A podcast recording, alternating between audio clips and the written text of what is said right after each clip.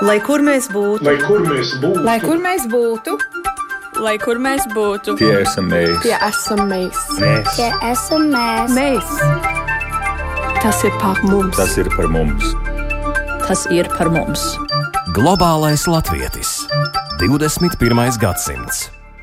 Ukraina jau vairāk nekā pusotru gadu varonīgi aizstāv savu zemi pret agresoru iebrukumu, un šoreiz mēs raidījumā fokusēsimies uz tiem veidiem, kā diaspora palīdz Ukrainas bēgļiem, bet, protams, skatīsimies arī uz to, kā tas notiek šeit pie mums Latvijā. Lūkosim, kā mainījusies dažādu Eiropas valstu politika, atbalstot nevalstiskās organizācijas, kuras iesaistās bēgļu problēmu risināšanā. Tas ir tas, ko šoreiz skaidros viesosim raidījumā Globālais Latvijas 21. gadsimts, un mēs arī uzklausīsim brīvprātīgo stāstus par pieredzēto tai mirklī, kad tu dodies palīgā brīvprātīgi sniegt palīdzīgu roku Ukraiņiem, Ukraiņu ģimenēm.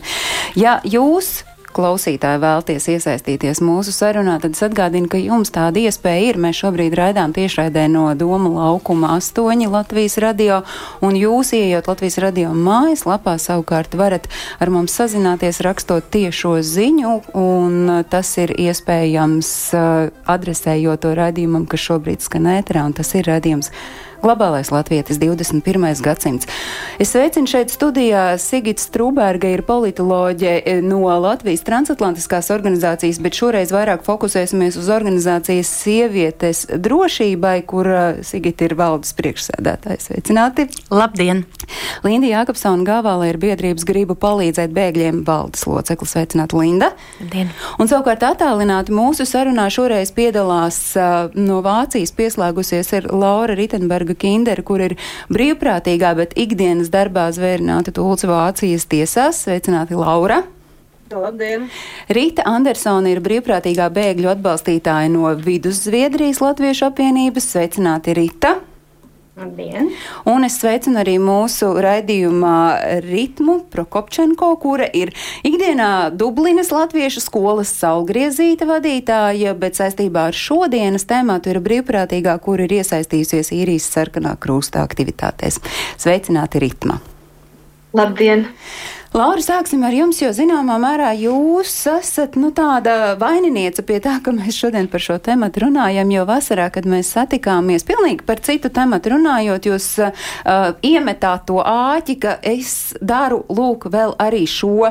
Un atskatoties uz to laiku, kad uh, pirms vairāk nekā pusotra gada sākās karš Ukrainā, kas notika jūsos un kā jūs nonācāt tajā situācijā, ka paralēli tam, ka jums jau ikdienā dzīvojot Vācijā, ir vienkārši, man liekas, simtiem un tūkstošiem brīvprātīgo pienākumu. Jūs arī iesaistījāties vēl arī šajā.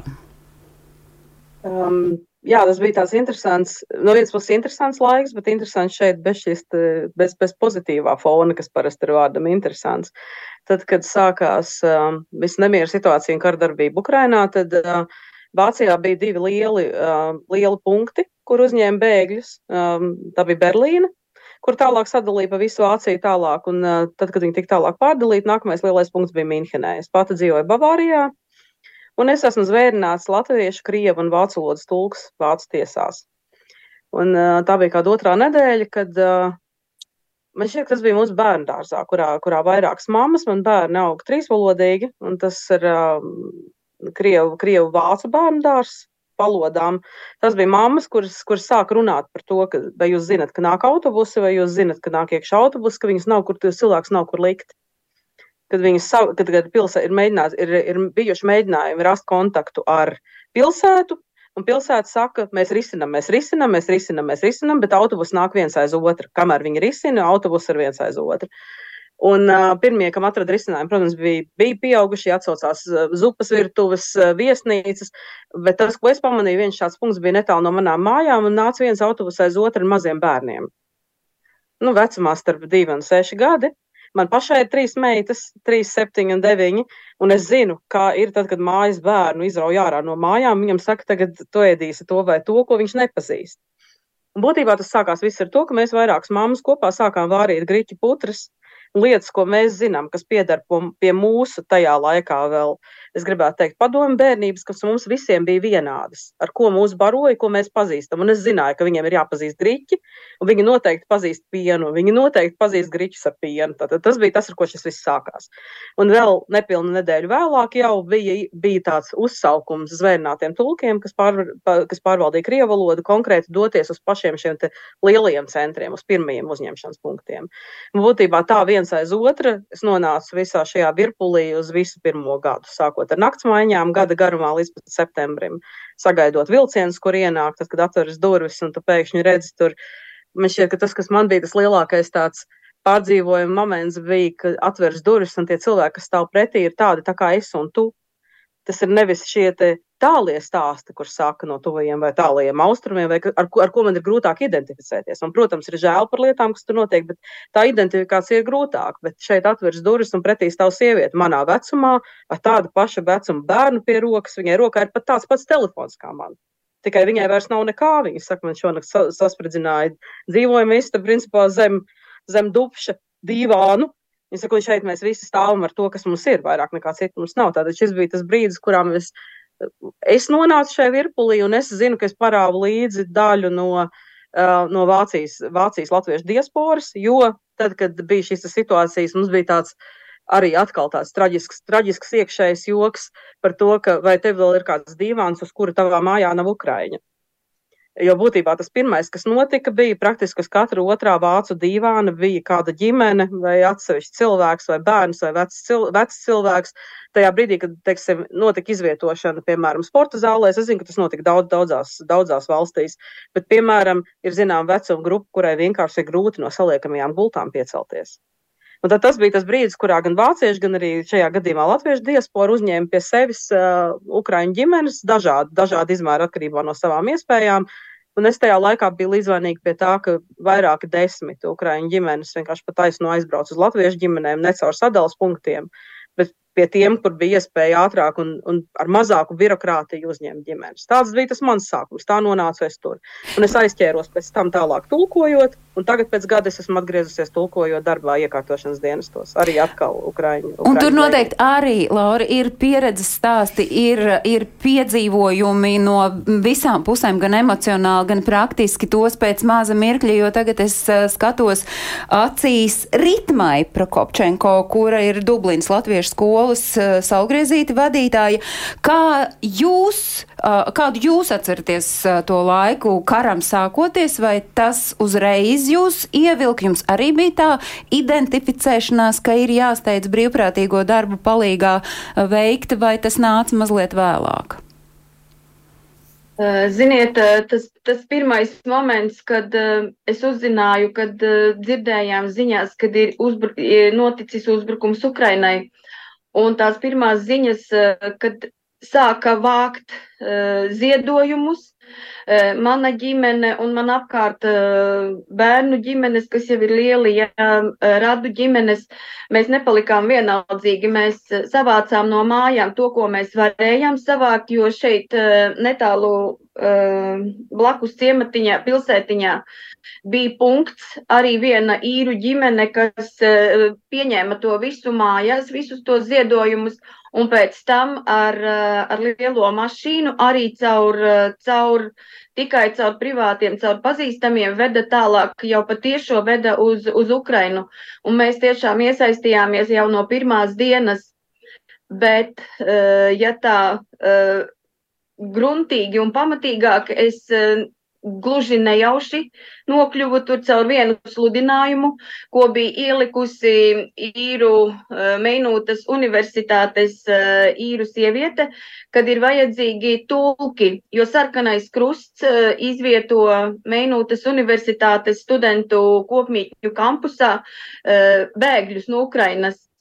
Un, protams, es līdz ko es to uh, sludinājumu biju izlasījusi, es domāju, tas uh, noteikti, ja es kaut kā varu, kaut vai tā es varu palīdzēt, es noteikti došos tur. Un, uh, un no tās dienas, kad es tur tajā visā virpulī uh, tiku iekšā, tā es viņiem palīdzēju tik ar to tulkošanu, gan ar. Uh, ar savu mašīnu, privāto mašīnu. Es vedu uh, slimu bērnu, kas bija tikko atbraucis. Uh, viņa meitenītei svin, ceļā bija svinējuši viena gada jubileju. Jubileju, bez tortes, bez kaut kā, ja, un tā meitenīte bija saslimusi, viņai bija vajadzīgs ārsts. Es veidoju savu mašīnu vakarā pie doktora, lai, lai, lai varētu dabūt kaut kādas zāles tai, tai meitenītei. Un tā tas viss gāja, gāja, un Eh, tā līdz šai valdienai es vēl uzturu sakarus ar, kā, kā man jau saka, ma, ar maniem ukraiņiem. Savukārt, eh, Rīta, jums, kā, eh, kā jūs nokļuvāt brīvprātīgā bēgļu atbalstītājas statusā? Mums sanāca tā, ka man darba kolēģi pateica, ka mūsu pilsētā uz, mums viņas izvietoja viesnīcā. Nebija tā, ka viņi pa ģimenē vai kaut kur viņas ar autobusiem atved uz mūsu pilsētu, un viņas visas mūsu lielajā viesnīcā izvietoja. Tur bija vairāk kā simts cilvēku visiem bērniem. Un te viņi dzīvoja ka, pa ģimenēm, kad, kad 5-6 cilvēki bez maz vai vienā istabiņā. Tur bija salikts divstāvīgās gultas, Un eh, variants bija tas, ka es pirms, tieši pirms gada biju traģiski zaudējusi savu vienīgo bērnu, man tas bija, man tā sažņaudās tā sirds, un eh, es joprojām sēroju, es neesmu tikus pārtam. Bet um, es sapratu, ka tas ir eh, svētīgs darbs, ko man ir obligāti jādara, jo nebija tulku arī mūsu pilsētā. Nebija kas tulko, un tad es gāju katru dienu uz to viesnīcu, palīdzēju uh, tiem darbiniekiem, emigrācijas departamentam, jo viņas mēs palīdzējām izvietot viņus pa dzīvokļiem, ātri orientējās uz to, ka uh, pa divas tava dzīvokļos izvietoja viņus uzreiz pa ģimenītē vienā, tā lai būtu četri cilvēki, ne vairāk kā trīs, ja teiksim, mā, vecmāmiņa, māmiņa un bērniņš vienā istabā lielā un tad viens cilvēks otrā istabā. Tā viņus izvietoja. Uh, Un tad es palīdzēju braukt tiem dzīvokļiem, jo tie dzīvokļi bija uzreiz labi iekārtoti, lai viņi varētu gultiņas, bija sedziņas un viss. Un tad visu pārējo nepieciešamo higiēnisko, protams, mēs gādājām. Un es tad doktoru medmāsas, un, tad, protams, es arī ar savu mašīnu vedu viņus gan uz slimnīcu, gan uz emigrācijas departamentu, jo viņi visi kārtoja savus dokumentus, tad es katru dienu Es jau strādāju joprojām, kaut arī man jau pāri tie gadi sen. 70 gados tas ir kā ir.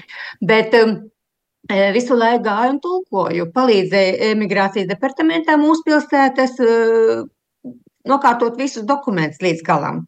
Un, tā arī mums ir tas veikaliņš izveidots. Tas nav veikaliņš, bet tas ir, kur cilvēki nāk un nodot tā tāda E, iestādes vieta, kur nodot visas savas mantas personīgās, kas ir liekas mājās, ir jaun, pilnīgi jauns mobilos telefons deva, pilnīgi jauns televizors. Mēs arī nopirkām vienai ģimenei televizoru, e, nu, nu, lai, lai viņa, viņiem jau ļoti smagi psiholoģiski, bez nekā pilnīgus likā dzīvoklī.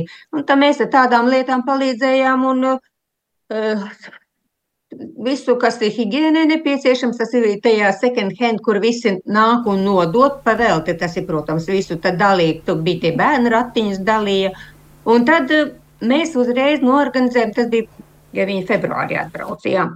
Un tad mēs pavasarī uzreiz, eh, mums ir bērnu fonds, ar diviem, trīs autobusiem pagājušajā gadā bija jārā, aizvedām viņus uz mums liels tāds zoodārs izklēdējām viņus tur uz to zoodārzu, un pusdienas un vakariņas bija, un tad šogad arī mēs aizvedām uz zoodārzu jūnijā. Uh, vienu citu, tur viņas izklaidējām no bērnu fonda. Nu, tātad jūs vien... principā darāt pēc iespējas nu, tādu maksimālu to atbalstu, sākot ar to, ko, ko, ko var finansiāli, beidzot ar, arī droši vien ar emocionāli. Un tad pie Jā, tā emocionāla, psiholoģisko palīdzību, ar to emocionālo un psiholoģisko es vēršos šobrīd šeit pie studijas viešņām, nu Linda, tā jūsu biedrības grib palīdzēt bēgļiem iesaiste. Arī ieskanās tas, kas eh, skan eh, jau iepriekšējās runātājās, tā identificēšanās, tā salīdzināšanās ar tiem cilvēkiem, kuri nokļūst šeit. Protams, jā.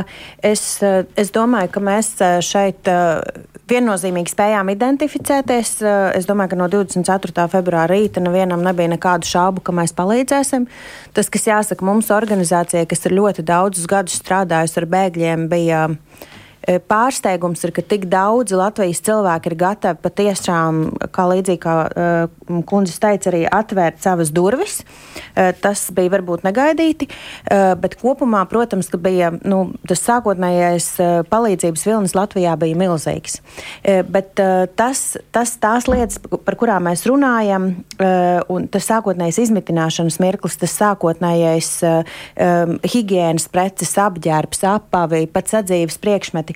Uh, tas lielā mērā šobrīd ir atrisināts uh, sistēmiski. Un es domāju, ka visās no pieminētajām valstīm tā, tie pirmie soļi ir, ir atrisināti. Bet tas brīvprātīgo darbs, tas nemazinās. Viņš vienkārši mainās tas, uz ko tas uzsvers būtu jāliek. Un šeit tieši, man liekas, tas, tas psiholoģiskais moments uh, mums Es pieņemu, ka pilnīgi visām šeit tas bija jaunums. Uh, un tas ir milzīgs uh, sloks arī sev pašam, uh, jo mēs, mēs visas uzklausījām tos stāstus, kur vairāk, kur mazāk, kur, kur tādus, kurus, kur citādus. Bet tas ir arī tas mirklis, kad ir jādomā par to, un šobrīd mēs to redzam, ka nu jau mēs nu, tuvojamies diviem gadiem, ka arī tiem stiprajiem cilvēkiem, gan tiem brīvprātīgiem, gan tām nevalstiskajām organizācijām, kas ir iesaistīti, ir arī nepieciešama palīdzība, lai viņi varētu turpināt, jo tā turpināšana ir nepieciešama. Nekas nav beidzies. Tieši tā, nekas nav beidzies, bet uh, es skatos uz Sigītu, klausoties uh, visu trīs, uh, gan uh, Lauras, gan Rītas, gan Ritmas stāstus visu laiku, uh, ko Naski pierakstījāt. Un tas uh, mans jautājums ir, kāds ir tas jūsu komentārs, kā jūs varbūt arī varat skaidrot to, ka uh, trīs dāmas katra savā arvien tālākā valstī no Ukrainas tomēr iesaistās šajā brīvprātīgo darbā? Nu, pirmkārt, noteikti dā, visas trīs dāmas ir īpašas, tāpat kā Lindas īpašie centieni, ko mēs uh, zinām vairāk, ņemot vērā, ka esam tik tuvu. Uh, protams, viens ir individuālais faktors, bet uh, otrs noteikti ir tas, kas te jau izskanēja vairāk, tā ir šī identifikācija. Jo tā ir kopēja vēsture, Tas ir kaut vai pieminētais izskats, kas mums visām ir līdzīgs, un tas, protams, ka spēlē nozīmīgu lomu. Pie kam šeit es gribētu pieminēt gana interesantu aspektu, ka identifikācija ir liels izaicinājums Ukraiņiem, kas atbrauc uz šejieni, ja mēs runājam par psiholoģisko uh, fonu, jo uh, kā pierāda atsevišķu valstu pieredzes, piemēram, Lielbritānijas pieredze, kurā pat veido speciālas grupu nodarbības Ukrainas bēgļiem, kas ieraugot tik lielu skaitu musulmaņu, ko viņi nav redzējuši savās mājās, baidās, baidās būt uz ielām, baidās miedarboties. Savukārt Lielbritānijā, kas, tā, kas ir multikulturāla valsts, šāda dažkārt pat neapzināti naidīga attieksme pret tās valsts iedzīvotājiem ir jauns izaicinājums. Uh, līdz ar to šāda nu, grupu nodarbības ir veids, kā psiholoģiski atbalstīt, iedrošināt, skaidrot par multikulturālo aspektu, kas, kas Latvijā, protams, ir nedaudz savādāk. Uh, tā pašā laikā, kas Latvijā, manuprāt, ir uh, nozīmīgs izaicinājums, ir tas, ko Linda daļēji pieminēja, ir šis nogu, nogurums tā ziņā, ka viens ir psiholoģiski grūti, mēs psiholoģiski agri vai vēlu izdegam, Daudzi, kas atbrauc, kas ir strādājuši ar cilvēkiem tur, Ukrainā, ir izdeguši, noguruši. Mēs redzējām izdegušus, nogurušus cilvēkus šeit, bēgļu centros, un tam ir vajadzīga profesionāļa palīdzība. Un ilg, domājot ilgtermiņā, šis profesionālais atbalsts, psiholoģiskais, es domāju, ka tas būs tāds ilgstošs jautājums un arī izaicinošs jautājums, jo pieredzes šajā ziņā mums praktiski nav. Mēs zinām, ka šobrīd uh, ir uzsākts darbs pie kara medicīnas, kā tādas, kas nevienmēr nozīmē obligāti tikai kaut kādus fiziskus jautājumus, ja, attīstīšanas, bet tas ir ilga laika darbs. Līdz ar to pie tā būs noteikti uh, daudz jāstrādā. Un, protams, ka arī arī integrācijas jautājums, nu, tādā, lai arī saka, ka, un pamatot saka, ka Ukraiņu bēgļi ātri ir iekļaujušies, integrējušies darba tirgū.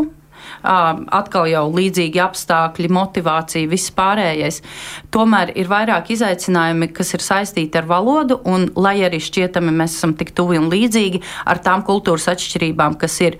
Un te ilgtermiņā, manuprāt, gan mums ir daudz mājas darbu, kas būs jādara. Un trešais, ko, un, un, un tad es apstāšos trešais, kas man liekas īpaši nozīmīgs, tāpēc pieminams, ir bērni, kas arī tika pieminēti, kuriem ir jāintegrējas šajā sabiedrībā. Mums nav noslēpums, ka lielākā daļa to cilvēku paliks šeit, jo viņiem nav kur atgriezties.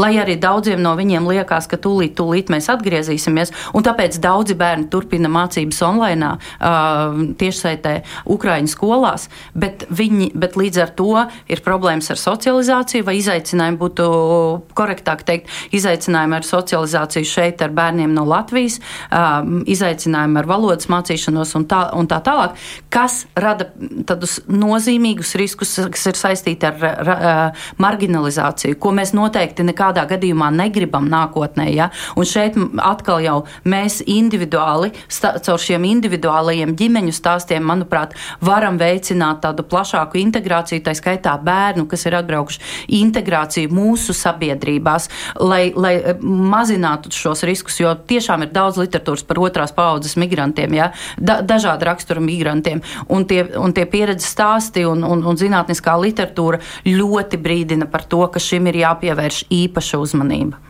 Jā, tajā brīdī, kad Sigita ierunājās par to darba tirgu, es saprotu, ka Laura, jūs šobrīd esat tajā darba biržā, un tad jūs arī redzat, cik tad vienkārši ir Ukraiņu bēgļiem iekļauties darba tirgu, cik vispār šī integrācija ir iespējama.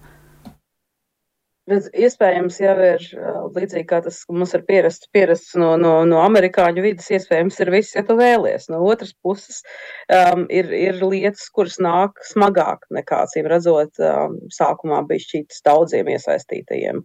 Proti, tas ir milzīgs cilvēku skaits, kas ieradies Eiropā. Milzīgs skaits. Neskatoties uz to, ka uh, profesionāls darbspēks trūkst uh, arī Vācijā, bet tas skaits ir tiešām milzīgs. Um, tad ir šis posms, kur, kur tiek iziet, teiksim, um, valodas skolu, kam ir jābeidz ar, ar eksāmenu. Un tur, protams, arī Ukrāņi ir tikpat dažādi kā jebkurš no, jebkurš no mums. Ir kāds, kas iet raiti un ar, liek vienu eksāmenu aiz otru, un viņam ir iespēja strādāt savā profesijā, bet ir neskaitām, kurām tas nāk ļoti, ļoti smagi neskaitām, kuriem šis, šī valodas apgūna nāk ļoti smagi. Turklāt šī cerība, par ko jūs tikko runājāt, kuru katru brīdi atgriezties, ļoti, ļoti bremzē šo integrācijas procesu. Tas ir tas, ko es redzu uz vietas, esot darba biržā, jo katram, es gribētu teikt, katram trešajam ir doma, bet es taču tūlīt braukšu atpakaļ. Es tūlīt darīšu to, ko es darīju līdz šim, pie sevis mājās. Un bieži vien tās ir profesijas, kuras, teiksim, vācu vidē viņi visticamākais nekad vairs, viņi viņās vairs nekad nestrādās. Tādēļ, ka viņiem šobrīd ir 45 gadi, kamēr viņš, piemēram, šai profesijai apgūs valodu tādā līmenī, lai viņš varētu strādāt vācu vidē, viņš būs sasniedzis pirms pensijas vecuma. Tā ir realitāte.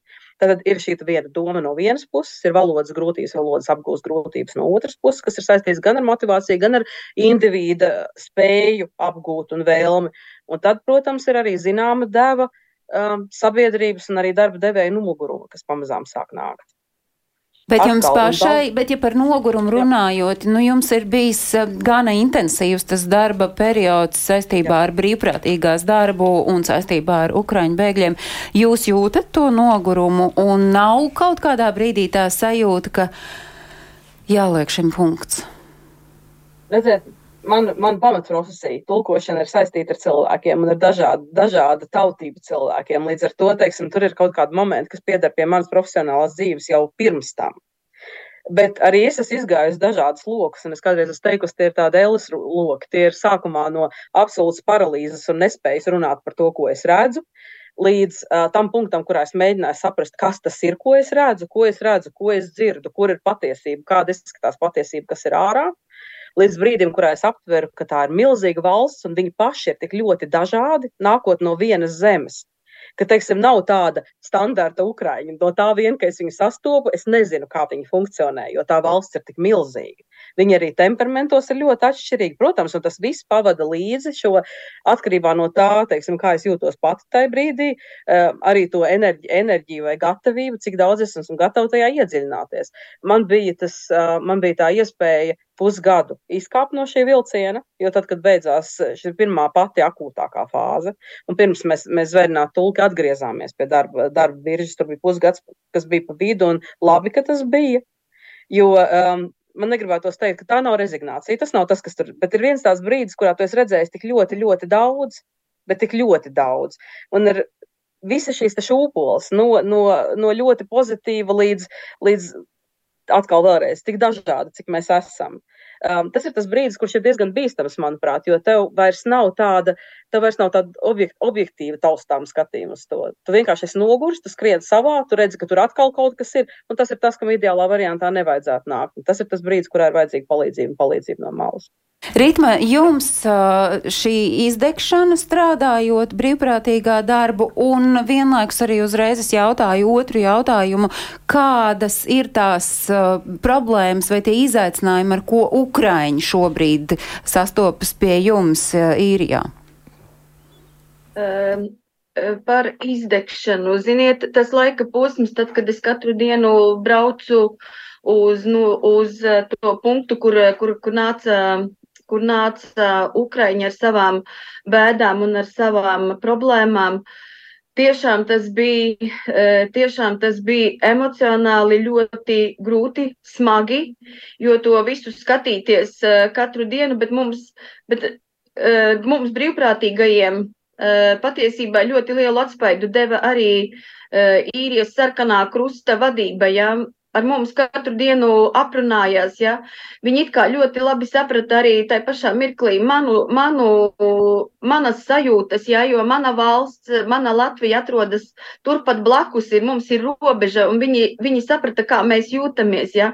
Mēs, mēs kā brīvprātīgie, mēs, ka mums um, ļoti uh, ļoti uzmundrināja citreiz pat tāds viens, eh, divi vārdi, ko teica, ko, ko, ko pateica sarkanā krusta kolēģis. Ja. Un eh, par, par šo doto mirkli, eh, kāda palīdzība, bija, kāda palīdzība ir vajadzīga. Ja? Kādi viņiem ir varbūt tie izaicinājumi, ja mēs tagad dzirdējām Lauru saka par, par, par, par šo darba tirgu joprojām? Kād, kād jūs redzat, kas ir tas sarežģītākais Ukraiņiem pie jums? Uh, uz doto mirklī es varu teikt par tām ģimenēm, ar kurām man joprojām ir saikne. Uh, viena ģimene, kurā aug divi bērni, līdz šai baldienai nav atraduši skolu, jo apkārtnē visas skolas ir pilnas. Un tie, tie divi ukraiņu zēni, viņi mācās attālināti Ukrainā. Uh, viena cita ģimene, kurā ir deviņi bērni, šī ģimene Eh, ja godīgi sakot, viņi tika mētāti tā kā pelavu maisis, viņus nekur negribēja pieņemt. Eh, visur, visur, visur likās, ka viņu ir pa daudz, viņiem nevarēja iedot nekāda, nekādu mitekli. Paldies Dievam! Patreiz šī ģimene ir atradusi arī tādu stabilu vietu, kas nav dzīvoklis, kas ir, eh, kas ir tā kā nometne, bet viņiem ir, viņiem ir labi. Bet ar, dar, ar darbu ir tā, ka saskarās, prob ir problēma ar valodu. Nav valodas, nav darba. Ir ļoti daudz ukraiņi, kas ir mēģinājuši strādāt uh, uh, nelegāli. Viņi aiziet, uh, iztīra, pieņemsim, tur skolu, iztīra pubu kādu, ja viņiem samaksā uzreiz naudiņu, un tai sā, sākumā tā naudiņa bija ļoti vērta, viņi ļoti centās to visu uh, katru iespēju izmantot, bet, ja, ja godīgi, tad tā ir problēma vēl līdz šai baldienai. Savukārt, eh, Rita, man ir jums jautājums par to, kā paralēli tam, ko jūs kā brīvprātīgā darāt, eh, piemēram, Zviedrijas valdība, kā atbalsta tās ne, ne, nevalstiskās organizācijas. Un te es pamazām eju uz to, ka mēs lasām nulikā veiktajā ķelnes institūta pētījumā, ka tā palīdzības dinamika, kas ir no sabiedrotajiem, un arī tas uh, emocionālais atbalsts ir nokritis, nu, principā, laikam jāteic līdz pašam minimumam. Ja tur ir jāpaskatās, tad uh, tā ir samazinājusies par 90%, ja skatās uz 2022. gadu laiku no augusta līdz oktobrim. Vai jūs to jūtat, esot Zviedrijā, ka tāds uh, valsts, mītnes zemes valsts atbalsts ir mazinājies? Mazinājies. Jā, to mēs ļoti jūtam. Un, eh, bet eh, visi bērni ir noformēti skolās. Visi, kas vēlās, protams, un visi bērni ļoti cītīgi iet uz skolām. Es, es pirmoreiz, kad tu kļūdījos, ka es teicu, ka tikai 100 eh, viesnīcā bija izmitināti, viņi bija 600 izmitināti. Un visi ģimenes ir tagad sadalītas pa dzīvokļiem. Nav vairs tā, ka divi, divas ģimenes vai kā tur dzīvo vienā dzīvoklī, visi dzīvo pa ģimenēm atsevišķi. Un e, tas, ka, protams, ka ļoti grūta darba birža un neatbalsta, e, neņem darbā, tā kā jau teicu, ka viņi strādā nelegāli, mēģina kaut kur grabināt tās naudas, jo pabalsti viņiem ir visiem nodrošināti, un gan bērniņiem, gan vecākiem. Pabalsti ir par dzīvokļiem nav jāmaksā, tad viņi iztiek ar tiem pabalstiem, tie diezgan normāli manā uztverē. Tā, nu tā, nu tā, badā nemirst. Un tad, bet uz skolu un māmiņas, kuras ir 40 līdz 50 gadiem, viņas iet uz skolu un cenšas, tie, kas grib integrēties, viņi ļoti cenšas un mācās to valodu. Nu, pilnīgi iet un ir tādi, kas ar zobiem saka, mēs te, es to valodu apgūšu Bet ir viena daļa, man bija draugi, kas aizbrauca projām. Viņi sāk braukt projām. Es, es zinu, tie pagājušajā gadā, kad mēs palīdzējām mazai meitenītei māmiņai Viņa aizbrauca projām, viņa gribēja uz mājām, uz mājām. Viņa aizbrauca atpakaļ uz Ukrajinu, proti, nevis kaut jā, kur projām jā, tālāk, jā. bet aizbrauca atpakaļ uz Ukrajinu. Vai arī jums ir tādi tie stāsti zināmi, es uz Lauru skatīšos, kur brauc atpakaļ, un tad pie viena arī kāda tad ir tā Vācijas politika, vai jūs kā brīvprātīgā strādājot jūtaties, ka jūs esat arī no valdības puses uh, atbalstīta? Nē, es no valdības puses neesmu atbalstīta. Laurai, Mums... Bet es šo Laurai gribēju jautāt, oh, jo jūs minējāt, ka jūs, nu, jūs simt punktu darāt visu tur brīvprātīgi, bet Laura, ja jūs esat um, iesaistījusies?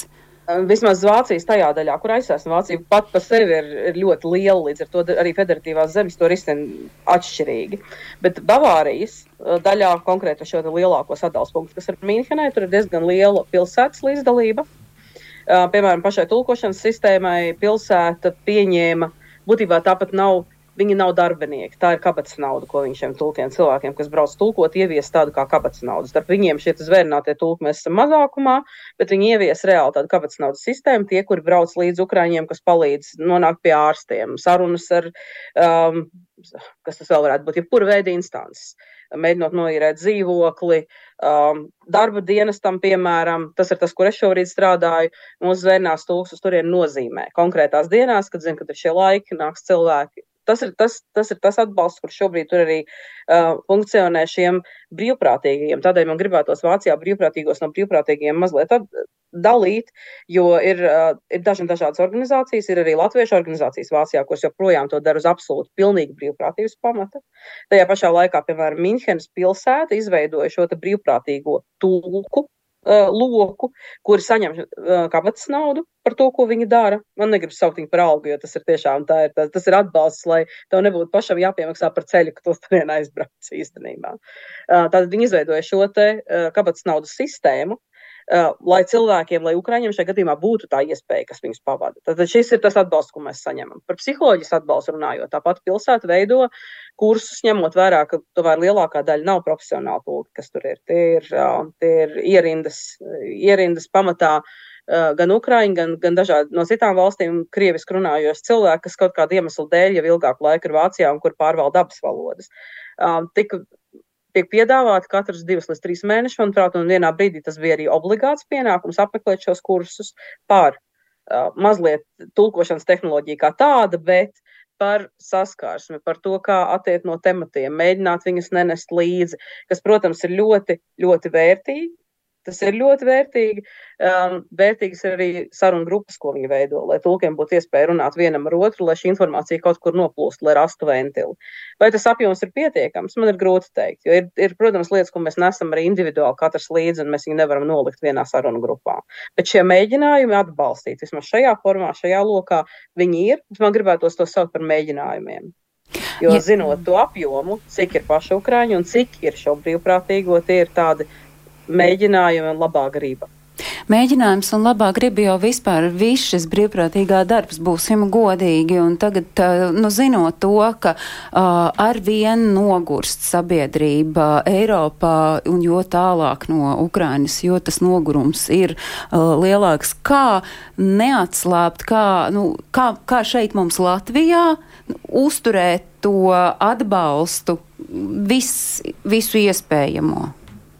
Man liekas, ka no vienas puses ir domāt par to, kā uzturēt atbalstu, bet no otras puses tiem cilvēkiem no Ukrainas, kas ir nonākuši šeit, maksimāli ātri palīdzēt, ja tā var teikt, nostāties pašiem uz savām kājām.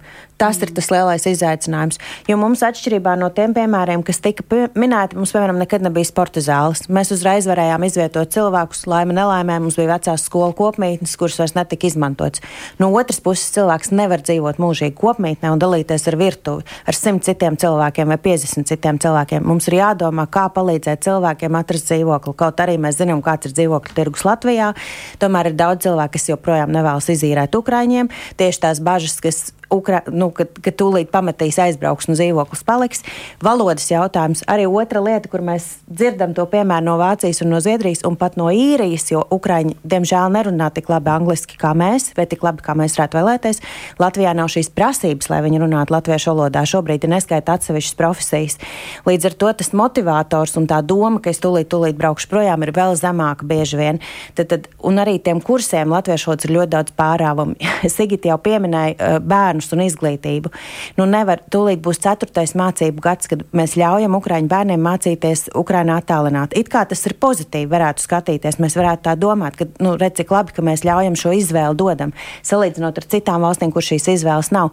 No otras puses, nedz mums ir pārliecība, ka visi Ukraiņu bērni mācās skolā, nedz arī viņi socializējas. Mm. Līdz ar to tas lielais, tas atbalsta, visbūtiskākais faktors ir, ka cilvēks pats sev var palīdzēt.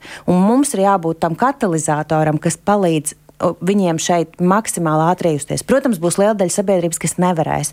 Māmiņas ar maziem bērniem, cilvēki ar invaliditāti, seniori. Viņiem būs nepieciešama palīdzība ilgtermiņā, bet tas jau ir tāpat kā Latvijas sabiedrībā. Bet kā to mūsu sabiedrības, visas Eiropas sabiedrības, to, tās sabiedrības daļas, kura absolūti nespēja identificēties ar Ukraiņiem, jo tas ir kaut kur tik tālu un droši vien, ka paši vispār vainīgi, nu kaut kādas tās diskusijas cilvēkos iekšā, un kā tomēr mēģināt to sabiedrību pārliecināt, ka tā atbalsta stīga ir jāuztur dzīva. Nu, es sākšu ar to, ka bez noguruma par ziņām par karu Eiropā kopumā aug trauksme par nākotni, un tas ir ļoti nozīmīgs fons, tad, kad cilvēki domā par migrantiem. Un, ta, un, un te mēs redzam, ka mums, arī mums Latvijā rādītāji ievērojami pasliktinās. Bet, piemēram, tajā pašā Vācijā, ja mēs esam pieraduši par Latviju pamatot satraukties, bet tajā pašā Vācijā 80% Vācijas iedzīvotāji ir satraukti par savu pašu nākotni, par to, kāda būs viņu rītdiena.